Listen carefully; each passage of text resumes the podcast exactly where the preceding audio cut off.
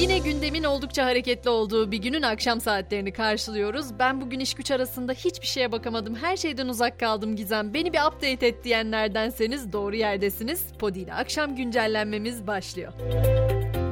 İstanbul Büyükşehir Belediye Başkanı Ekrem İmamoğlu hakkında verilen hapis ve siyasi yasak kararının ardından gözler bugün belediye binasının bulunduğu Saraçhane'deki mitinge çevrilmişti. Altılı Masa liderleri İmamoğlu'na destek için Saraçhane Meydanı'nda miting düzenliyor. Belediye binası önünde toplanan kalabalığa hitap eden İmamoğlu, adalet vurgusu yaptığı konuşmasını 2023'te her şey çok güzel olacak sözleriyle tamamladı. Yine yargı başlığı altında takip ettiğimiz bir diğer davada ise istenen cezalar belli oldu. 6 yaşındaki çocuk gelin davasından söz ediyorum. Gözaltına alınan baba Yusuf Ziya Gümüşel ve müridi eski eş Kadir İstekli tutuklandı. İstekli'nin 67 yıl 10 ay, Gümüşel'in de 22 yıl hapsi isteniyor. Şimdi biraz ekonomi başlığına geçelim. Dün Amerika Merkez Bankası Fed'den politika faizi kararı gelmişti. Bugün de Avrupa Merkez Bankası politika faizini 50 bas puan artırarak %2,5'a yükseltti. Böylece faiz 2008'den bu yana en yüksek seviyeye çıktı. Banka varlık alım programının da Mart'tan itibaren azaltılacağını duyurdu. Benzine ise üst üste gelen indirimlerin ardından bu kez zam haberi var. Benzinin litre fiyatına bu gece yarısından itibaren 1 lira 7 kuruş zam yapılacak. Motorinde ise herhangi bir fiyat değişikliği beklenmiyor.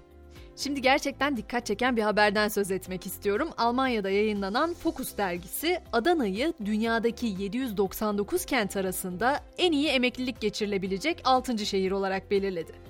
Tabi emeklilikte adli meselelere karışmazsanız tespit doğru olabilir. Zira bugün Adana Adliyesi'nde kavga eden iki grup kendilerini ayırmaya çalışan güvenlik görevlilerinin coplarını aldı ve görevlileri darp etti.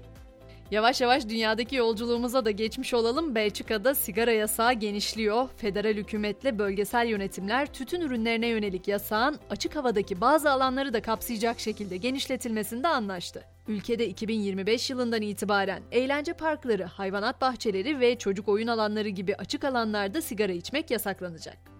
Sosyal medya platformlarından söz ettiğimizde ise bu aralar aklımıza ilk gelen sanırım Twitter. Özellikle Elon Musk'ın Twitter'ı satın almasının ardından gelen haberler çokça gündeme düşüyor. Bu kez gündeme düşen haber ise Twitter'ı satın almasının ardından Musk'ın ikinci hisse satışını yapmış olması.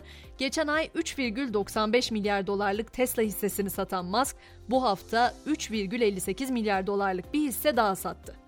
Hal böyle olunca dünyanın en zengin insanı da artık Elon Musk değil. Louis Vuitton'dan Dom Perignon ve Christian Dior'a kadar 75 markanın patronu konumunda olan Bernard Arnault dünyanın en zengin insanı listesinde birinci sıraya yerleşti.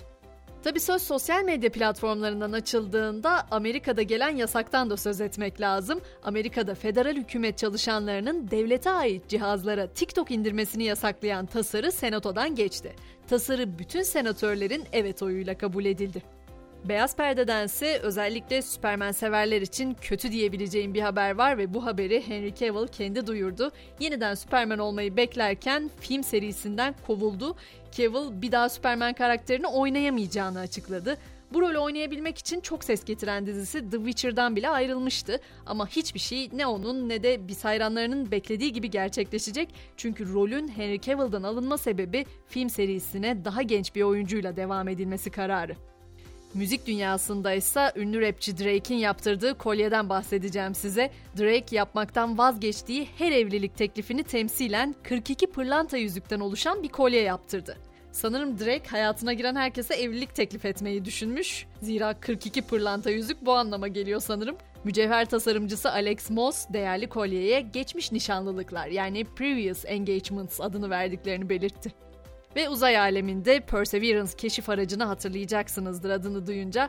Onun Mars yüzeyinde uzaylı kasırgası gibi esen çok küçük hortum ve tozların kayıtlarını dünyaya gönderdiği bilgisi geldi. Araştırmacılar bu olayın ilk kez gerçekten duyulduğunu ve kaydın gezegen hakkında daha fazla şey anlamak için kullanılabileceğini söylüyor. Ve spor dünyasında biliyorsunuz artık Dünya Kupası'nda pazar günü oynanacak final maçını bekliyoruz ama bu arada da Antalya'da 8 gollü bir prova vardı bugün. Beşiktaş hazırlık maçında Giresunspor'u 5-3 mağlup etti. Karşılaşmanın 53. dakikasında talihsiz bir kaza yaşandı. Kafa kafaya çarpışan Tayyip Talha Sanuç'la Kadir Seven mücadeleye devam edemedi. Bu haberle biz de akşam güncellememizi noktalamış olalım. Sabah 7 itibarıyla ben yine buradayım. Sizi de bekliyorum. Görüşünceye kadar hoşçakalın.